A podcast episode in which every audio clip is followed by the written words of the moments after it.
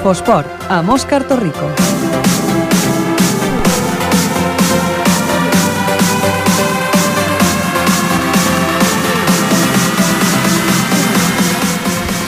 Molt bona tarda, benvinguts a l'Infoesport, el programa dels esports aquí a Ripollet Ràdio, al 91.3 de la FM. Són les 7 i 7 minuts de la tarda, en aquest 15 de juny, en el qual la temporada doncs, comença a viure els seus últims dies. Els equips doncs, van acabant les competicions i ja queda poqueta cosa per esbrinar doncs, com acabarà que, eh, els diferents campionats. Però com sempre estem aquí cada dilluns fins que acabi la temporada, fins a la setmana vinent. Estarem aquí amb tots vosaltres doncs, portant-vos l'actualitat i repassar una mica doncs, com ha anat a, eh, aquesta temporada pels diferents conjunts d'aquí de, de la nostra vila de Ripollet. Avui començarem a parlar de futbol. Volem fer un repàs als diferents equips de futbol masculins doncs, com han anat la temporada i parlarem amb els seus entrenadors per fer una valoració i també per veure doncs, eh, com afronten els equips el proper any.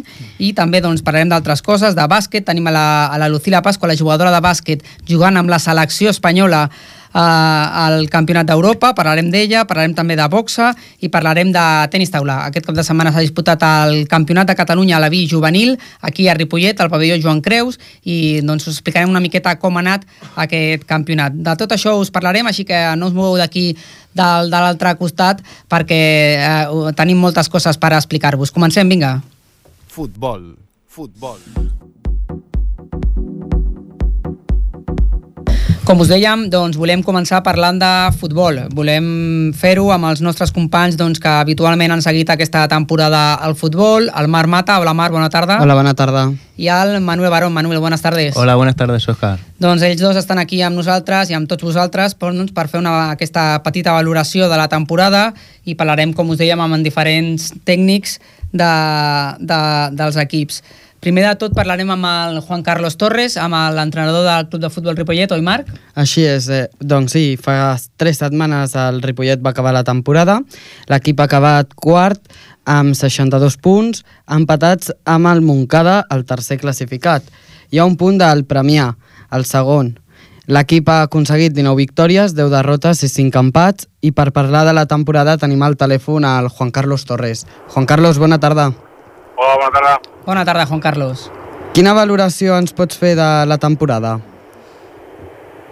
Bueno, pues una temporada crec que, que la podíem haver acabat millor i, bueno, pues, amb un certa, amb una certa decepció final perquè vam fer molta feina, vam treballar molt i quan ho teníem més a, a la mà per poder fer la promoció pues, pues ens va escapar i, i en certa part va ser bueno, per casa nostra, no?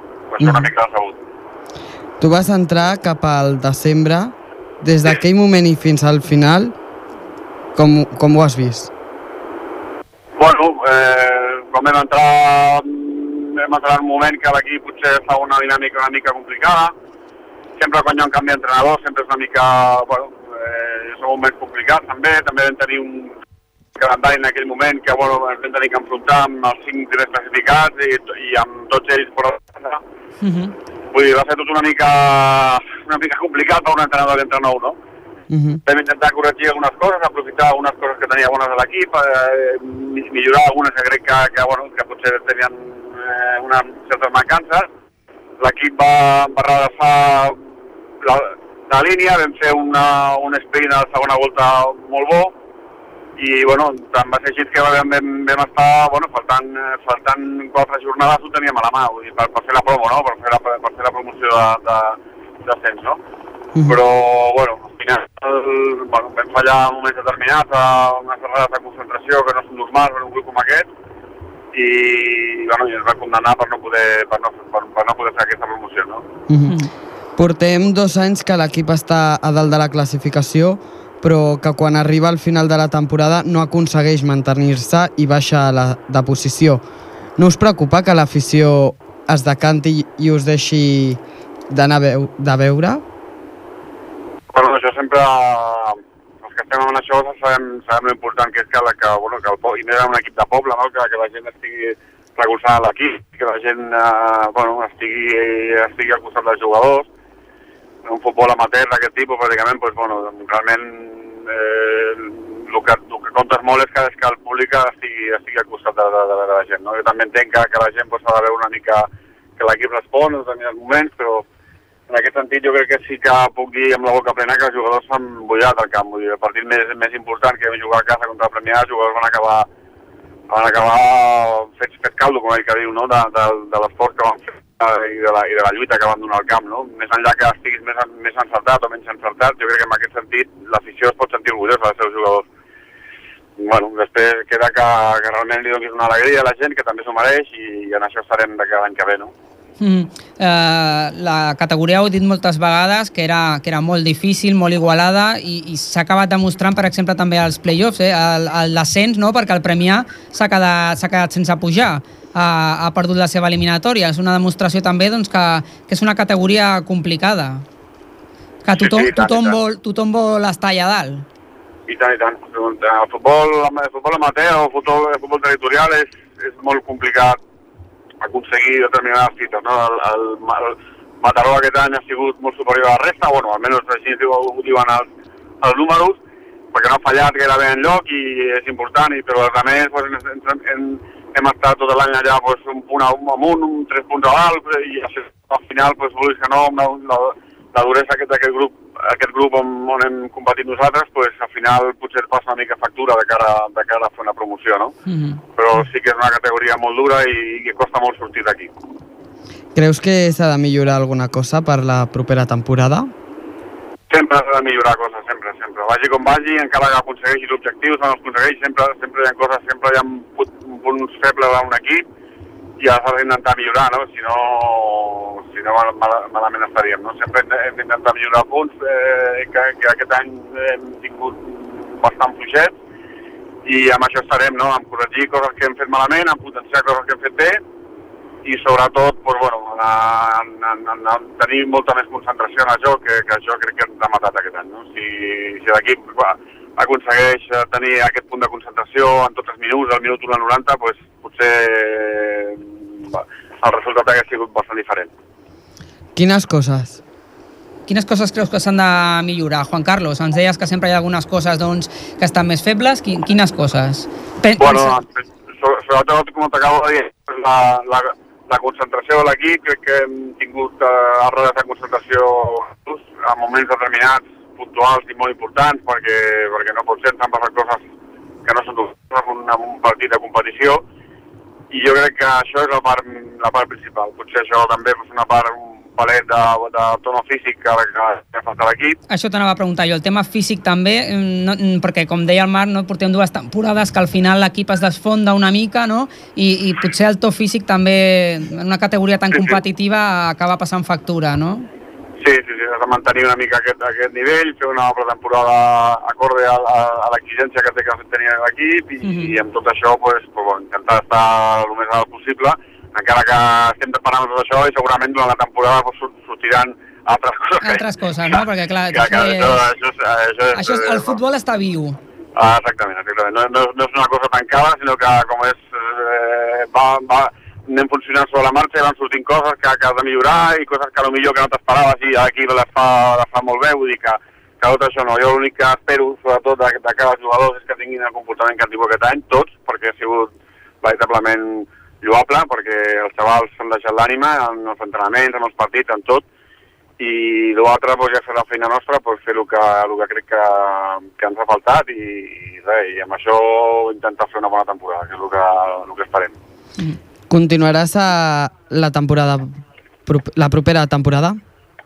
Sí, sí, sí. Estem, estem, ens, vam, ens vam renovar al final de Setmana Santa o abans de la Setmana Santa i, i bueno, i estem una mica pues, treballant de cara al futur, a veure fer, de fer una temporada, de fer una plantilla competitiva, de tenir tot el més controlat possible. I, bueno, i esperar, ja et dic, ens hem quedat amb el regust aquest amarg de Mhm. final de la temporada i el que esperem de la temporada que ve és donar una alegria a tota l'afició, al club que s'ho mereix, perquè realment s'han portat de meravella amb tots, aquesta, aquesta entitat, la veritat és que, que ha tingut un comportament exemplar i bueno, esperem retornar-li tot, el- tot el que ens ha donat. No? Es reforçarà l'equip? Ah, i tant, eh, sempre hem de reforçar les coses que creiem que, que els postos que, que, que són una mica més, eh, bueno, que, que, que creiem que s'han de reforçar i mantenir més o menys el bloc d'aquest any passat, uns 13-14 jugadors que continuaran, i bueno, intentarem eh, reforçar-nos amb 4 o 5 fitxatges i la resta pues, serà gent de la padera, que és el que volem des del club, el que es vol des de, la- des de, la, des de la secretaria tècnica i el que es vol des del primer equip. Vull dir, comptar amb els treballs que surten la juvenil i fer un equip eh, del poble i que treballi pel, pel poble, així de clar. Mhm. Ja teniu algunes coses lligades? Sí, hem parlat amb diversos jugadors i ja estan, ja estan, uh, ja, ja, hem, ja hem parlat amb ells i bueno, estem esperant una mica respostes i després amb els xavals d'aquí de casa de juvenil pues, tenim una reunió amb ells avui per, per, per, bueno, per acabar de- d'explicar-los quin és el projecte i com, com funciona això i que està a les seves mans poder, poder jugar al primer equip del, de Ripollet, no? Però també és cert que ells han de posar la seva part perquè això no, això no te regalen res enlloc i ells han de posar la seva part, no? Mhm. Quin és el projecte per la temporada vinent? Bueno, la idea és ser competitius, estar dalt fins al final i, i competir fins al final intentar, intentar ficar-nos a dalt. Sempre comptant amb la gent de casa, amb la gent de- d'aquí del, d'aquí del poble i, eh, evidentment, mica en mica anar fent un primer equip que, que, sigui una, que tingui una base àmplia de jugadors de, de jugadors de Ripollet, no? o que siguin d'aquí de, la, de la base nostra sense perdre mai la, la, la intenció de- d'abandonar aquesta categoria i pujar a una categoria superior, que és el que ens agradaria a tots. de Mhm. luego. Doncs Juan Carlos Torres, moltes gràcies per haver-nos atès i esperem poder tornar a parlar amb tu la temporada vinent. Moltes gràcies a vosaltres pel, pel tracte durant tot l'any i espero que l'any que ve, cada vegada que parlem, sigui més, sigui més positiu que algunes vegades aquest any. Per tenir bones notícies, tant de bo, molta sort. Juan Carlos, Ah, gràcies. Gràcies. Gràcies. Adéu, bona tarda. Gràcies, Marc. Eh, segueix per aquí perquè continuarem parlant, oi? Perquè també volem parlar dels altres equips de futbol de la ciutat, dels altres equi- equips amateurs, i doncs eh, ho hem de fer del, del, de l'equip del Pajaril. Em sembla que el nostre company, el Mar Marc o Manuel, qui, qui parlarà del Pajaril una mica? El Manuel. Vinga, Manuel, pues, què, què, què, què podem dir del Pajaril abans de parlar amb l'entrenador? Bueno, pues así también como, como el Ripollet, ¿no? Ha tenido también sus cosillas, ha tenido sus problemas dentro del vestuario por temas también del entrenador. Tuvo Javier que dejarlo eh, hace cosa de un par de meses. Y bueno, eh, en su lugar se tuvo que colocar Marco Golludo. Y, bueno, al final el equipo también ha estado ahí arriba luchando por ese ascenso. Eh, no, ha, no ha podido ser así, no lo ha conseguido. Ha quedado cuarto clasificado con 63 puntos. Y, y bueno, eh, teníamos a, a Marc A ver si podemos hablar con Marco Golludo, que como decía Manuel, en este caso no fue como en el Ripollet, que fue pues una discrepancia entre el entrenador pues con la junta directiva, No, pues como en- veía a un jugador, en este caso fue por más por temas personales, Temas ¿no? personales, que sí. Javier tuvo que dejar el equipo y cogió las riendas Marc y ese con el que vamos a hablar, pues el que ha estado estas últimas jornadas al frente de- del conjunto del Pajaril. Marco Golludo, buenas tardes. Hola, buenas tardes. Hola, Mar. Eh, ¿Cómo valoras la temporada después de haber estado siempre rozando el objetivo del ascenso? Tú que estabas ahí al lado con, con Javier. Bueno, eh, una buena temporada, ¿no? Un cuarto puesto que hemos conseguido este año, eh, pese a todos los las lesiones, enfermedades y todas estas cosas que nos han nos han ido arrastrando. Ujú. Sí que estuvimos muy cerca de conseguir de conseguir uno de los objetivos muy importantes para el club, que es el ascenso. Pero bueno, eh, hemos remado a, a viento y marea contra para poder para poder trabajar contra contra estos problemas laborales, enfermedades, lesiones que hemos arrastrado, pero bueno, al final una cuarta plaza que, que está muy bien. ¿Crees que se ha echado a faltar algo que se podría haber mejorado, como, como el gol, el defender mucho mejor, la intensidad? Bueno, quizás sí, quizás te pones a valorar ahora eh, partidos en los que no has conseguido puntuar o los que has perdido en el último minuto y quizás sí te planteas la opción de que si pudiera haber habido un poco más de gol o a la hora de, de defender aquella un poquito más de intensidad y tal. Pero bueno, son cosas que durante, durante el partido no las ves y sí que lo, lo echas a faltar luego cuando te hacen falta te hace falta esos puntos para, para poder estar arriba. Eh, ¿Vosotros cómo analizáis los partidos? Porque yo he visto, por ejemplo, partidos en los que mm, el Pajaril iba ganando 1-0 en el primer tiempo y en el segundo empezaba a dormir el partido, a quererlo dormir, a quererlo dormir, de una manera que al final, o sea, eso no te, no te garantiza ganar el partido, sino al contrario, eh, el equipo contrario mete un gol y se viene arriba. Y eso ha pasado en muchos partidos, que, que los veis perdido por, por ver al, al equipo, o sea, enfriar el partido, ¿no? Sí, sí que es cierto que, que es cuando teníamos partidos con esta ventaja en el, en el marcador. Y sobre todo en las segundas partes, pues el equipo salía como relajado, como, como confiado a, a- teniendo el marcador a su favor.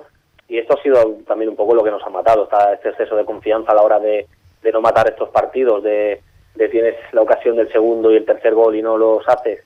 Y este el equipo lo que lo que hace es que se desconfía, que, que se duerme, que se conforma y esto es lo que pasa, que el rival el rival no te perdona y menos en, en este grupo, ¿no? Donde cada ocasión que tienes tienes que matarla como sea para, para poder para poder ganar el partido.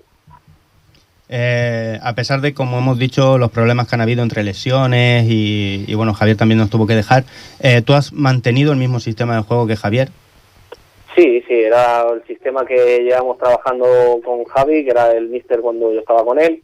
El equipo es, es el mismo sistema de juego, metodología, misma estrategia que hemos trabajado durante el año. Creo que era que era un poco absurdo quizá el, el no sé, el cambiar todo para siete ocho partidos que quedaban ya sin jugarnos nada. Eh, pensé que la mejor opción era eh, seguir trabajando lo que el equipo lo que el equipo había lo que el equipo había seguido trabajando durante el año que es lo que sabían hacer y bueno pues a partir de ahora cuando empecemos de cero durante la temporada que viene y yo y mi cuerpo técnico empecemos a trabajar pues sí que se inculcarán valores nuevos metodologías nuevas eh, modelos de juego nuevo para bueno pues para poder para poder corregir los errores de la temporada pasada O sea, tú continúas la próxima temporada al frente del equipo. Sí, sí, sí. eh, la directiva me ofreció la renovación, me ofreció el seguir una temporada más con el equipo. eh, yo estuve pensándolo, de, acabé aceptando la, la opción. Entonces yo, bueno, pues eh, ya me puse a trabajar, me puse a, a diseñar mi cuerpo técnico, a confeccionar mi plantilla, para, bueno, pues para poder el año que viene, sí que con mucha ilusión y mucho trabajo, pues el conseguir el estar lo más arriba posible, sin presión ninguna de aquello de conseguir vamos a ir, a arriba arriba campeones y si perdemos un partido eh, nos venimos abajo, pero no, para nada, o sea, sin presión ninguna, seguiremos trabajando, intentar corregir los errores de la temporada pasada que nos hicieron mermarnos tanto eh, y bueno, poco a poco con trabajo y con ilusión, como te he dicho, pues, pues intentar estar arriba. ¿Y qué crees que se debe mejorar en el equipo para alcanzar ese objetivo que este año nos ha conseguido? Bueno, mejorar mm, en cuanto a nivel de jugadores mm, no es no es mejorable. Quizá nosotros hemos tenido una plantilla donde han habido jugadores de mucha calidad, jugadores en los que esta temporada que viene no van a estar, la mayoría por problemas laborales. Eh, hemos, bueno, han entrado caras nuevas, gente gente nueva, gente de refresco dentro del club, gente con ganas, gente comprometida y bueno, pues poco a poco iremos inculcando, como te he dicho antes, eh, un estilo nuevo, una filosofía de juego nueva, eh, unos valores nuevos, sí, que veremos a ver si el equipo, nosotros creo yo que mi cuerpo técnico pensamos que es lo mejor para, para poder estar arriba y bueno, simplemente pues eso, trabajo, ilusión, humildad y, y ganas, que es lo primero. O sea, tú ya las ganas las tienes puestas, el equipo lo tienes prácticamente ya formado y el entusiasmo lo llevas ya encima. O sea, yo para mí que tú ya estás deseando empezar ya, ¿no? Sí, sí, no, acabamos de acabar y llevo ya dos semanas parado y me hace largo, ¿no? Yo tengo ganas de, empezar este nuevo, esta nueva etapa, esta nueva etapa al frente del equipo. Eh, bueno, como te he dicho antes, pues la ilusión, el trabajo, como tú dices, todo eso ya está, las ganas, así que nada, simplemente que llegue el 17 de agosto, que cuando el equipo empieza pretemporada y arrancar lo antes posible para, para empezar otra vez en, el, en este deporte que tanto nos gusta. ¿Qué sistema de juego vas a utilizar? ¿Vas a cambiar mucho al, al pajaril en la manera de jugar? Bueno, eh, sí que es cierto que queremos, bueno, queremos inculcar eh, un juego más combinativo, un juego más, mm, más combinativo de cara a portería, un juego eh, más agresivo a nivel defensivo, eh, un estilo propio, mm, donde con los, con los diferentes jugadores y los modelos, perfiles de jugadores que tenemos, creemos que lo podemos hacer y simplemente es eso, también que nos acompañe un poco la suerte de cara a lesiones, enfermedades, etcétera, etcétera, y bueno, el sistema de juego, pues sí, cambiarlo un poquito, darle darle una pincelada, ¿no? Una pincelada de, de nuestra de nuestro modelo de, de trabajar o nuestra no sé, de la manera que nosotros pensamos que, que podemos hacerlo mejor. Hmm, Un juego más, un poco más parecido al de, al de David Ortiz, con el que tú estuviste en el, en el banquillo del Club de Fútbol Ripollet, por ejemplo, un juego más de, de ese toque que, que David buscaba. Sí, sí, sí. Eh, existe aquel, aquel entonces sí que la verdad es que, bueno, con David una etapa muy buena. Sí que es cierto que más o menos era un juego muy parecido, un juego que, que tanto a mí como cuando estaba allí con él no me gustaba mucho. Y sí, más o menos seguir una filosofía parecida, parecida. Sigue dándole, como te he dicho antes, unos toques de nuestra, de nuestra personalidad quizá, o de nuestra manera de verlo. Y, y bueno, con eso pues intentar, creemos que es la manera nosotros de, de intentar hacer algo. Muy bien, Marc, antes de, de que te dejemos, dinos algunos nombres de que se hayan incorporado a- al equipo y de dónde han venido los jugadores. Bueno, sí, tengo algunos nombres, tengo gente que es de aquí del pueblo, eh, gente que es de Ripollet, que era lo principal que yo buscaba, porque claro, eh, tanto los medios económicos del club no están como para poder mm, económicamente pagar a un jugador para que venga de otro sitio. Sí, gente conocida, gente de aquí, muchos de- del equipo que había aquí de la Escuela de Fútbol Ripollet, que se incorporan con nosotros, eh, algún jugador de, de fuera que hemos tenido que buscar por carencias en esa posición quizá, Y bueno, la mayoría, te digo, el 80-85% de la plantilla de aquí de, de aquí de Ripollet. No nos has dicho ningún nombre, ¿eh, Marc? ¿Te has dado cuenta? Nos lo has explicado Bueno. pero no nos has dicho ni un nombre. bueno, eh, sí, bueno, a ver, tenemos jugadores como como Manu, como Eloy, chicos que han estado aquí, en- que llevan aquí también mucho tiempo en el, Sí. en el otro equipo En del la pueblo, que- en la escuela, del equipo que entrenaba Guillermo. Eh, y bueno, se, salió la opción de poder de poder ficharlos, de poder contar con ellos y como te he dicho antes, pues aparte de ser buenos jugadores y buenas personas, pues joder, pues si lo tienes aquí en casa, pues mucho mejor, ¿no? Mejor. Pues nada, que haya mucha suerte y que la temporada que viene pues podamos eh, explicar pues muchas muchas cosas buenas de- de- del equipo. Vale, pues muchas gracias a vosotros. Que vaya muy bien, Marc. Gracias. Un saludo, hasta luego. Adiós, adiós. Que por cierto, ahora nos hablaba Marc de, de Guillermo Andrés, y precisamente con Guillermo Andrés queremos hablar ahora, el entrenador de la Escuela Fútbol Base, el otro equipo de la ciudad de los tres que tenemos en el fútbol amateur, ¿no? que nos faltaba para completar este tridente en esta temporada, el Club de Fútbol Ripollet en segunda catalana y tanto el Pajaril como la Escuela Fútbol Base en tercera división catalana. Vamos a hablar también con Guillermo Andrés, ¿verdad compañeros? Marc y Manuel. Així Pues sí es. Y vamos a despedirlo, creo, porque Guillermo, pues como ya nos lo ha comentado también Marc, que, que Guillermo pues deja, deja el equipo y vamos a poder pues eh, valorar un poco con él eh, esta marcha y cómo ha ido la temporada para el conjunto de la Escuela Fútbol Base. En unos instantes creo que podremos tener a Guillermo al teléfono, creo que ya lo tenemos. Guillermo Andrés, buenas tardes. Hola, buenas tardes. Buenas ¿Qué tal? ¿Cómo tardes. estamos? Buenas tardes, Guillermo. Hola, hola, ¿qué hay? Pues bueno, pues bien, aquí descansando ya. Muy bien, muy bien. Ya ha llegado el verano y me parece Sí, que va a ser la última vez que hablemos contigo, ¿no? Bueno, no, no, no, eso no se puede decir nunca. De, de momento sí. Más adelante ya veremos qué pasa. Porque Guillermo Andrés eh, deja esta temporada el equipo se- para mancharse al Moncada la siguiente.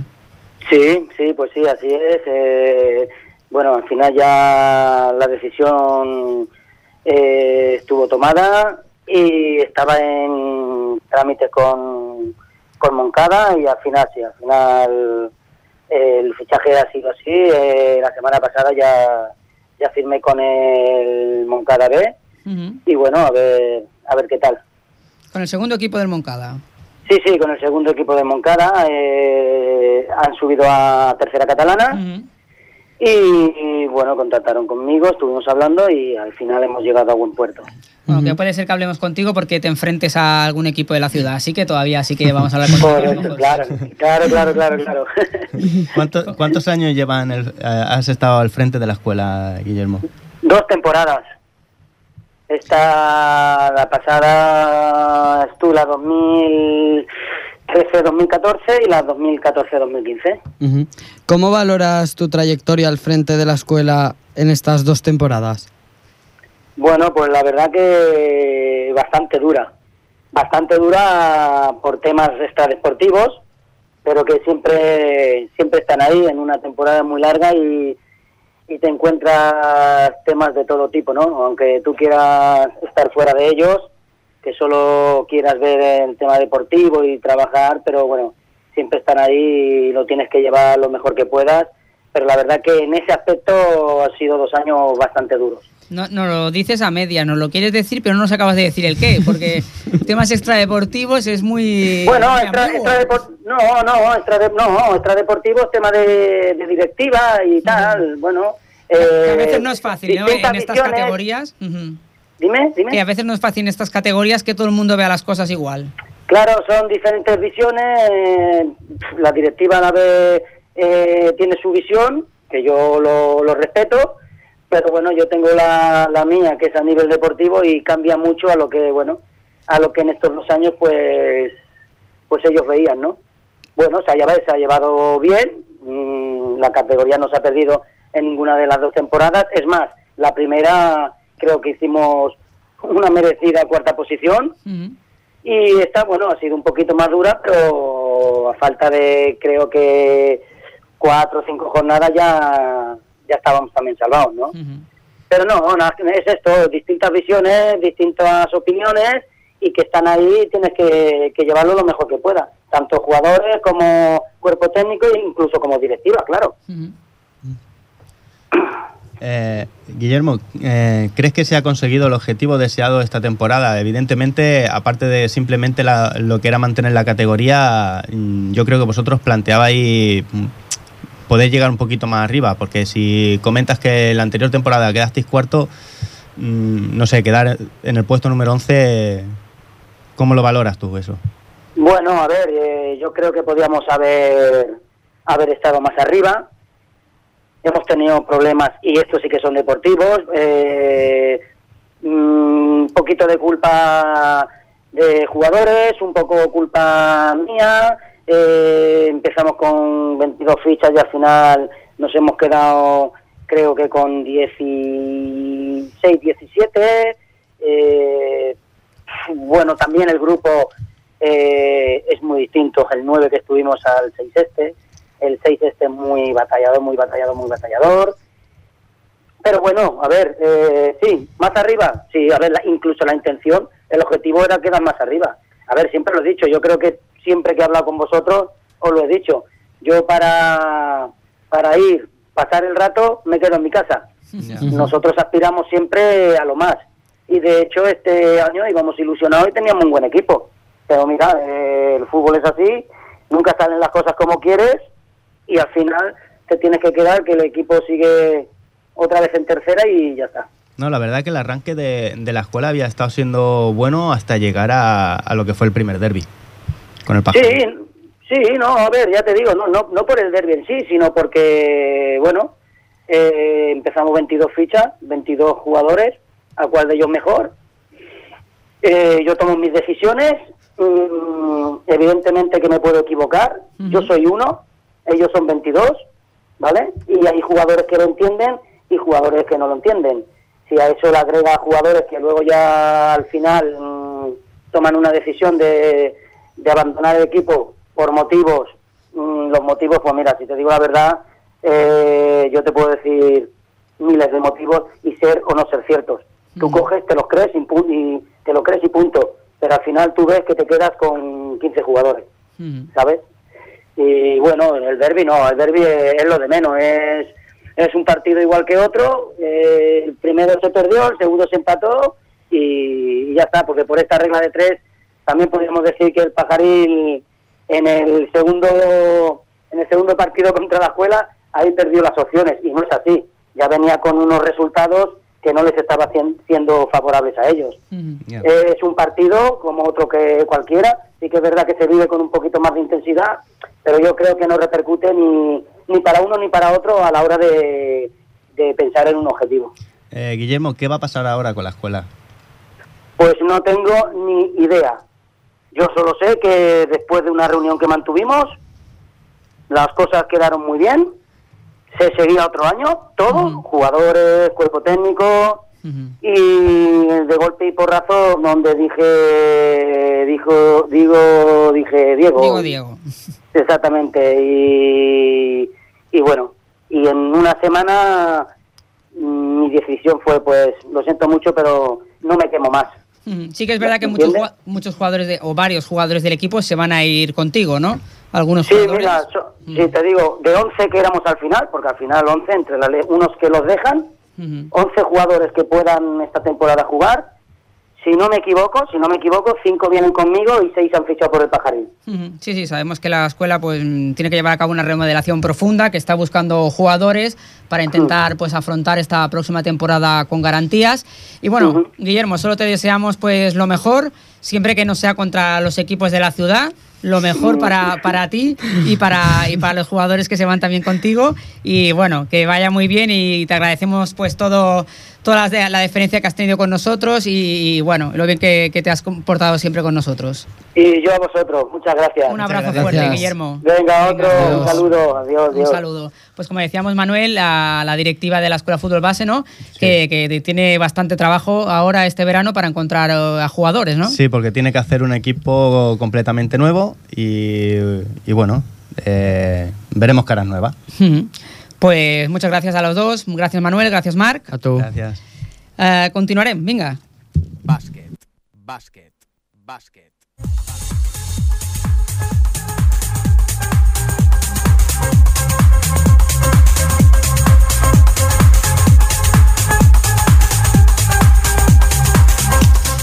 Doncs, com escolteu, parlarem de bàsquet ara, ja us ho hem avançat a l'inici del programa, en el resum de, del nostre Infosport d'avui. Parlarem de la Lucila Pasqua, la jugadora de bàsquet d'aquí del, de Ripollet, que està jugant a Huelva i que aquests dies està disputant eh, el seu, em sembla que és cinquè europeu amb la, sala, amb la selecció espanyola de bàsquet. Per parlar-ne tenim la nostra companya, la Mèriam Lara. Mèriam, bona tarda. Bona tarda, Òscar.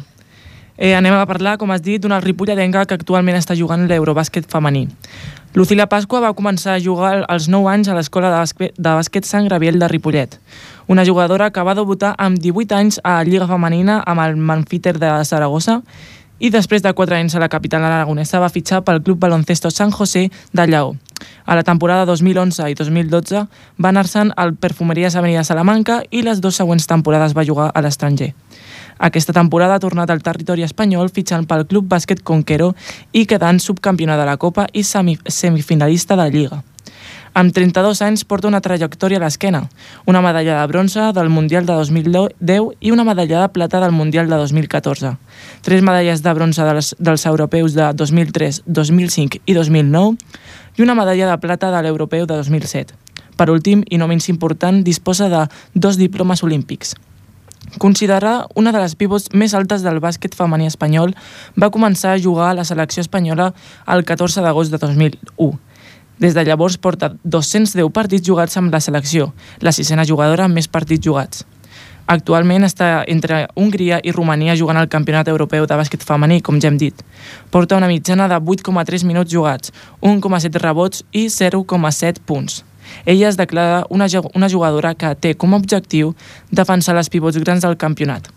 Porten 4 victòries dels 4 partits jugats, amb la, vic la victòria recent d'aquesta tarda davant Suècia, amb un resultat final de 64-60.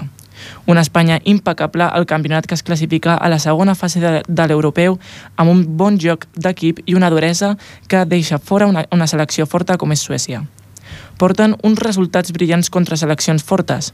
Dijous passat van guanyar a Lituània, amb un resultat de 58-72. Dissabte van patir contra Eslovàquia, però se'n van emportar la victòria al final amb un resultat de 82-81. I per últim, diumenge van esclafar a Hongria, 46-69. Des d'aquí volem donar suport a la selecció espanyola i sobretot a la Lucila Pasqua per seguir amb el bon joc que ens tenen acostumats. Doncs així és, us convidem a, si no, heu estat, si no ho heu estat fent fins ara, a veure els partits de la selecció espanyola de bàsquet, que està retransmitent la cadena Infoesport a la televisió, per veure doncs, com ho està fent la Lucila i com ho està fent també totes les seves companyes. Recordem que la Lucila, que ja té sis medalles entre mundials i europeus, doncs està lluitant per, per aconseguir doncs segur està lluitant per, per una altra medalla, per penjar-se un altre metall.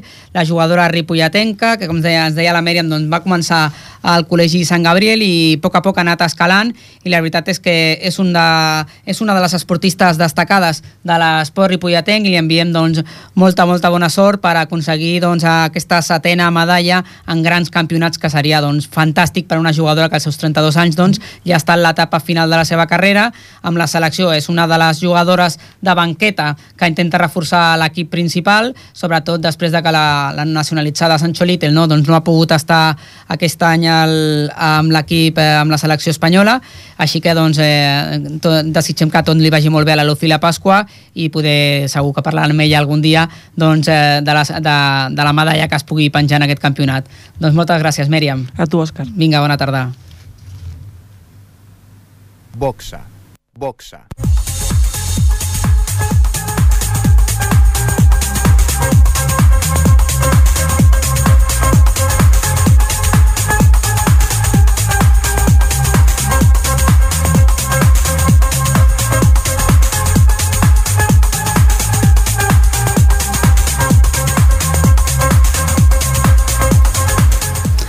Doncs seguim i ho fem amb boxa, amb aquest esport, perquè aquest mes de juny el Club de Boxa Zona de Combate s'ha disputat eh, una jornada del Programa Nacional de Tecnificació Esportiva, la jornada corresponent a Catalunya d'aquest programa de tecnificació esportiva a nivell estatal en el que bueno, diferents boxejadors doncs, eh, competien, diferents boxejadors entre 15 i 17 anys competien per ser seleccionats per anar amb la selecció espanyola que s'ha de reunir a Múrcia per escollir els, els boxejadors que formaran part de l'equip olímpic al, als propers Jocs Olímpics de, de l'any vinent.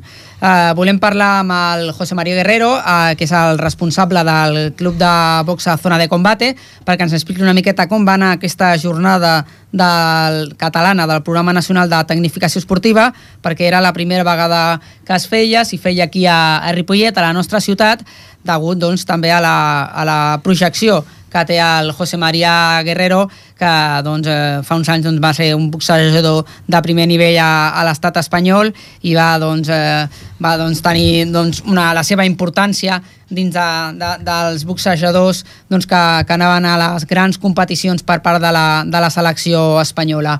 A veure si podem contactar amb el José María, intentem, estem intentant fer-ho a través de la via telefònica, perquè José María està allà al seu club entrenant els diferents boxejadors que, que estan lluitant amb ell i el club de boxa Zona de Combate, aquí a la nostra ciutat, a Ripollet, intentem parlar amb ell, si veiem que no podem, ho posterguem una miqueta més tard i passarem a, al tenis taula, ara a veure què ens diu la nostra companya, em sembla que sí que el, sí que el tindrem al José María finalment. José María, bona tarda. Hola, buenas tardes. Buenas tardes, ¿qué tal? ¿Cómo estamos? Pues muy bien, aquí con los chavales ahí liando en el gimnasio. Te hemos pillado ahí liado Sí, entrenando, en plena- ¿no? En plena faena, sí.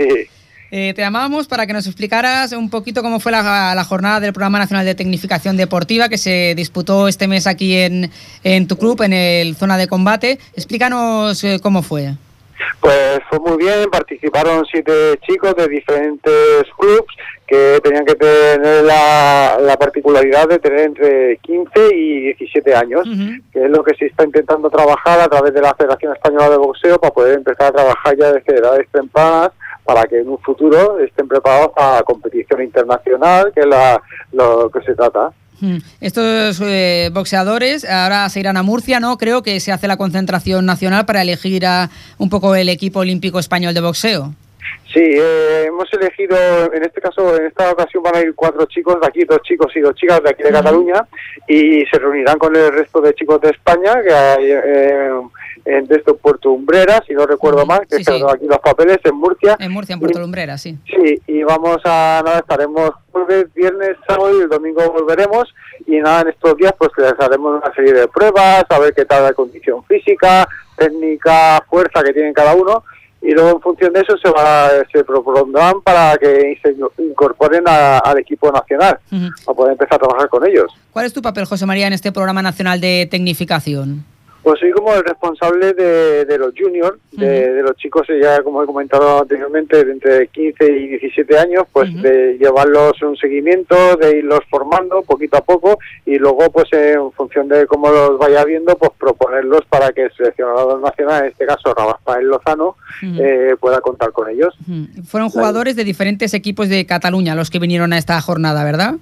Sí, son diferentes equipos de Cataluña. Luego tenemos un inconveniente aquí. eh, pues mira, ya aprovechando que estamos en antena, me gustaría resaltar que el presidente de la Federación Catalana de Boxeo intenta boicotear un poquito lo que es el Plan Nacional de Tecnificación, Mm. eh, privándole a los deportistas de poder participar, ¿sabes? Eh, darles permiso para que puedan participar en Murcia. Lo que pasa es que, como al no ser una competición, simplemente ser un entrenamiento, pues con la autorización de los padres no vale, pero creo que es muy triste que un presidente de aquí de, de, la, de Cataluña impida, quiera cortar la progresión de los deportistas, porque es muy triste. Y llevamos una guerra sin que me parece que ya en este programa ya habéis comentado anteriormente algún problema parecido y creo que es una injusticia y me gusta, por eso me gustaría poderla denunciar aquí en Antena. Y que, no sé qué os pasa con el, en el boxeo, ¿eh? que siempre van saliendo palos en las ruedas cuando se va intentando hacer cosas y no hay, no hay manera de, de- de tirar adelante todo el mundo empujando al mismo carro. Pues sí, es una pena porque luego al fin y al cabo los que realmente perjudicados y los que nunca se tienen en cuenta son los chavales, que son al fin y al cabo el que se sube al ring y el que se sacrifica y el que en cierto modo, pues queramos o no, se está jugando su integridad física. Nunca hay que Ujú. olvidar que esto es un deporte de contacto y queramos o no, tu integridad física está en, en juego y parece que la gente aquí hay otros intereses di- distintos a los deportivos y es lo que se trataría de poder cambiar eh, entre todos. La verdad es que es un deporte que ya genera recelos en algunas personas por, porque da una impresión de dureza, mm, que, que- que ya mm, echa para atrás a alguna gente y si encima desde la gente que está dentro o alrededor de este deporte don- le va poniendo más, más palos en las ruedas, la verdad es que es complicado, ¿no? ¿Cómo está el nivel de- del boxeo catalán ahora mismo? Pues ahora a nivel boxeo catalán pues está no, es- no está en su mejor momento dado pues a estas cosas que acabo, estamos comentando, ¿no? Las guerras internas de federaciones, eh, intereses personales y entonces esto pues así como siempre los perjudicados son los chicos pues que no progresan cuando eh, en otros sitios se está trabajando muy bien, se están haciendo muchas cosas y aquí pues desgraciadamente se ha creado un monopolio, un- una cosa que, que, que no que habría que cambiarlo y que, y que luego la gente no, no aprecia. Por ejemplo, la gente siempre está echando la culpa, ¿no? La, misma, la gente que si el boxeo no va porque la televisión, porque los políticos, y yo creo que la culpa ni es de los políticos ni de la televisión, es de la misma gente que hay en el boxeo, ¿sabes? Aquí, pues, supongo que como en otros ámbitos de la vida, ¿no? Que, que, que todo el mundo quiere... Cada quiere uno va estar- para su lado, ¿no? cada No- uno mira para él, no mira en un futuro, no miramos el hoy en vez de mirar en el, el mañana, ¿sabes? Y Eso es lo, eso, ese es el problema, ¿no? En vez de mirar un, un futuro lejano para poder trabajar con, con más eh, con más comodidad, ¿no? Lo queremos todo hoy y entonces pues eso, eso es lo que pasa. La planificación que es importante en cualquier deporte, ¿verdad? Dinos cómo, cómo estáis a, a nivel de club. En el club, ¿cómo, cómo vais? Eh, ¿Se van acercando nuevas personas? ¿Vais eh, consolidando a los boxeadores que ya tenéis?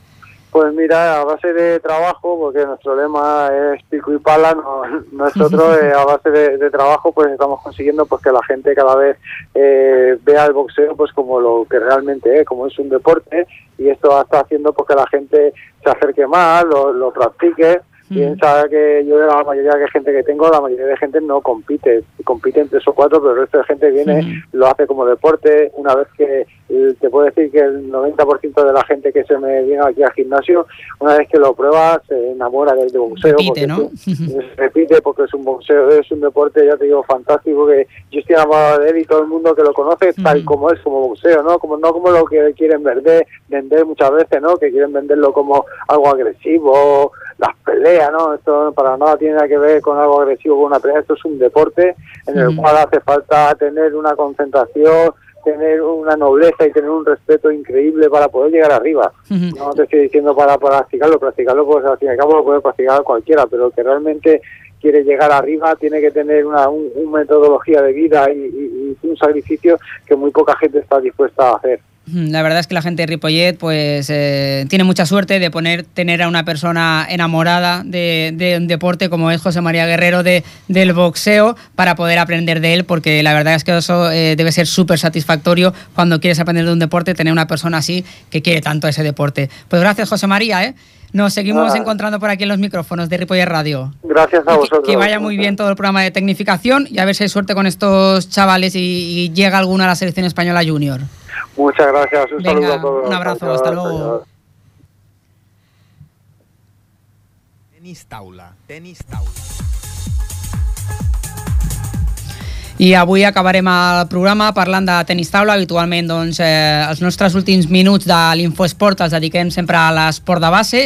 Avui també ho farem perquè aquest passat cap de setmana s'ha disputat aquí a Ripollet, al pavelló Joan Creus, el Campionat de Catalunya a la vi juvenil de tenis taula. I per parlar-ne tenim el nostre company, el Brian Calvo. Brian, bona tarda. Bona tarda, Òscar. Doncs, com bé dius, aquest passat di dissabte i diumenge s'han celebrat el Campionat de Catalunya de tenis taula pel, pel que fa a les categories Alevi i juvenil.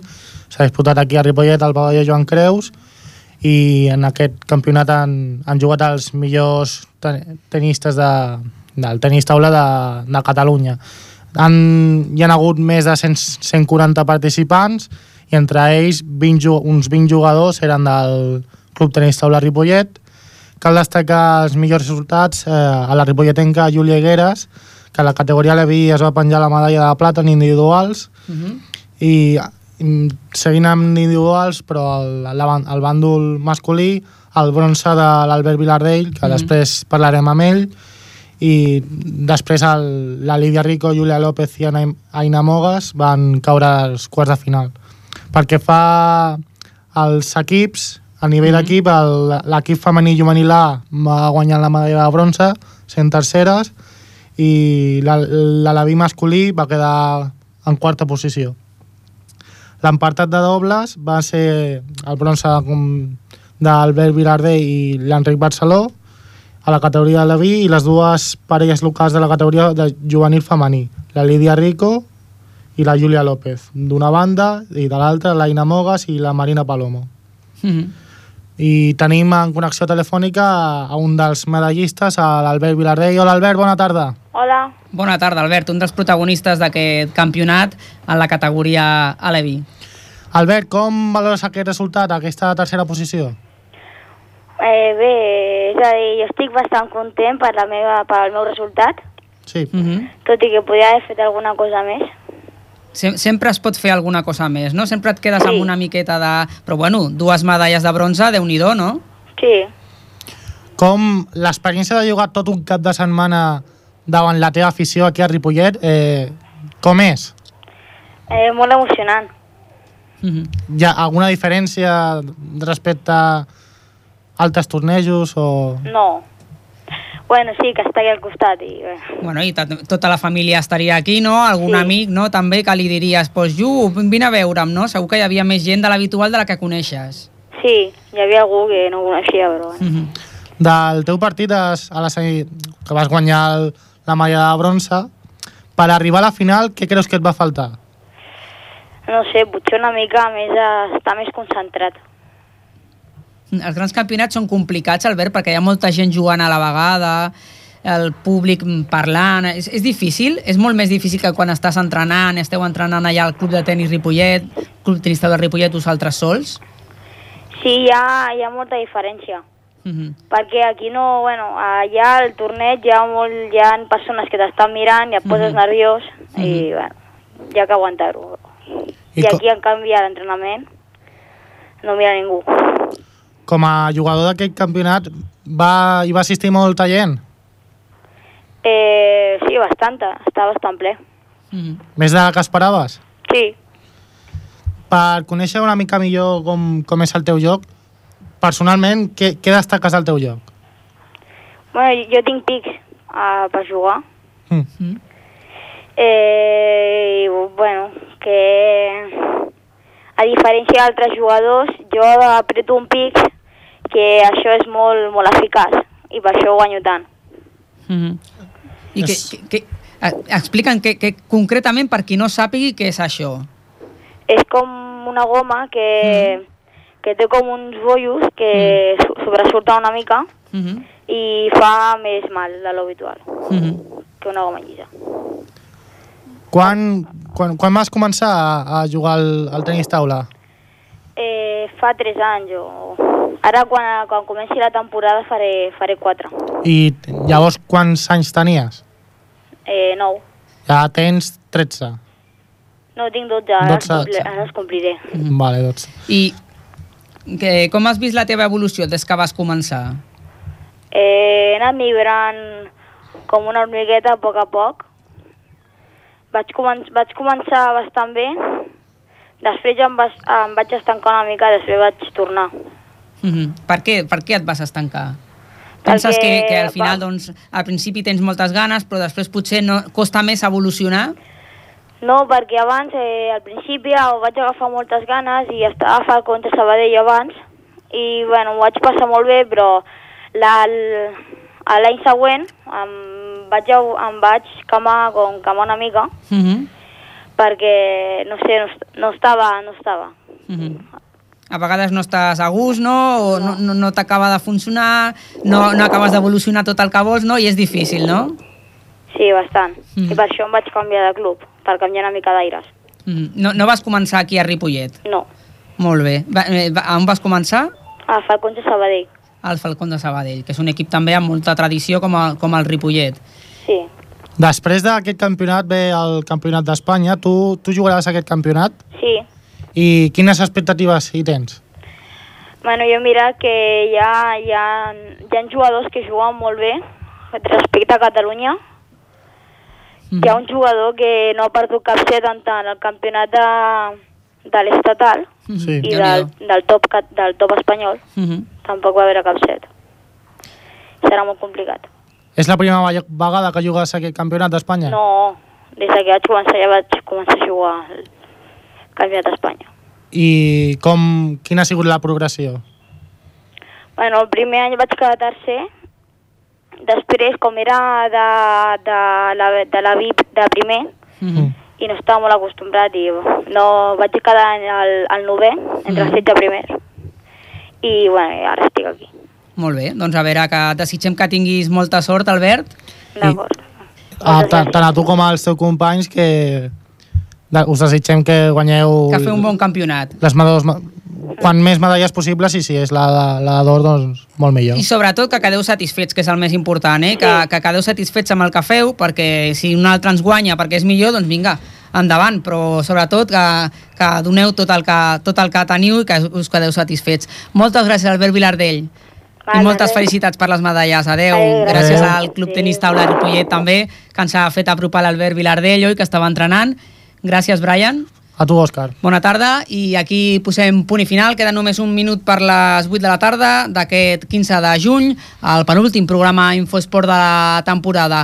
Dilluns vinent tornarem per tancar aquesta temporada 2014-2015 a Ripollet Ràdio. Per tant, us esperem aquí a partir de les 7 i 5 de la tarda, el dilluns, com diem, per parlar per última vegada aquesta temporada amb vosaltres. Molt bona setmana, fins una altra.